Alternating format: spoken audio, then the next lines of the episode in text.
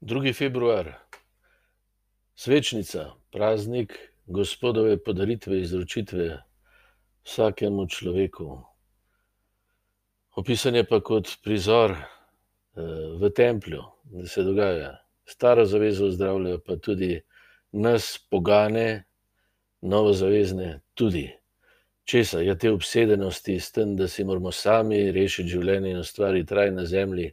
Bolj poskušamo, bolj smo uničevalni. To nam današnje razmere očitno potrjujejo. Ni uresničitev naše človeškosti s pomočjo samovolje pa samopromocije pa bogatenja na račun drugih in tako naprej. To je izgubljanje svoje človeškosti. Posedovanje ti ne da dostojanstva, podjarmljanje drugih tudi ne. Ravno obratno. Živ, človeški, večen in oživljajoč druge si, ko sebe podarjaš. Zato je pa treba sprejeti, da se mi Bog podarja. Da ni nekdo, ki mi jemlje, ampak nekdo, ki se mi je popolnoma izročil in se mi še vedno izroča po vseh ljudeh, vseh stvareh, po vsakem hipu življenja. Navzoč zato, da se mi podari.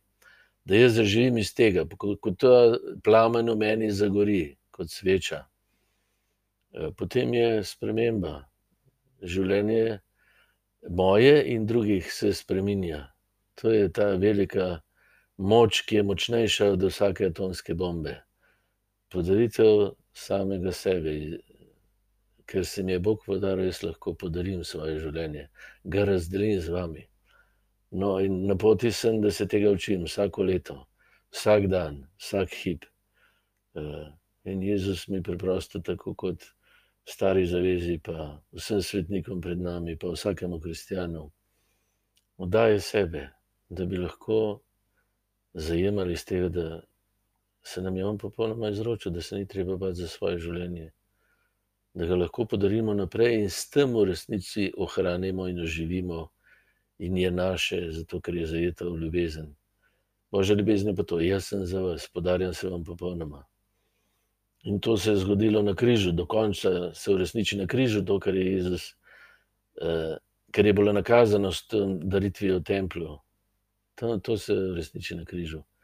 Luč je postavljena na svetilnik, da tudi moje srce zadiha iz tega. Da v mojo tesnobo strahu zase posveti sonce, poguma in veselja darovanja. Sprejemam njegovo podarjanje in ga dajem naprej. To je praznik krščanstva, praznik redovništva, praznik ljubečih zakoncev, ki se učijo drug drugemu postati dar. Mi se tega učimo.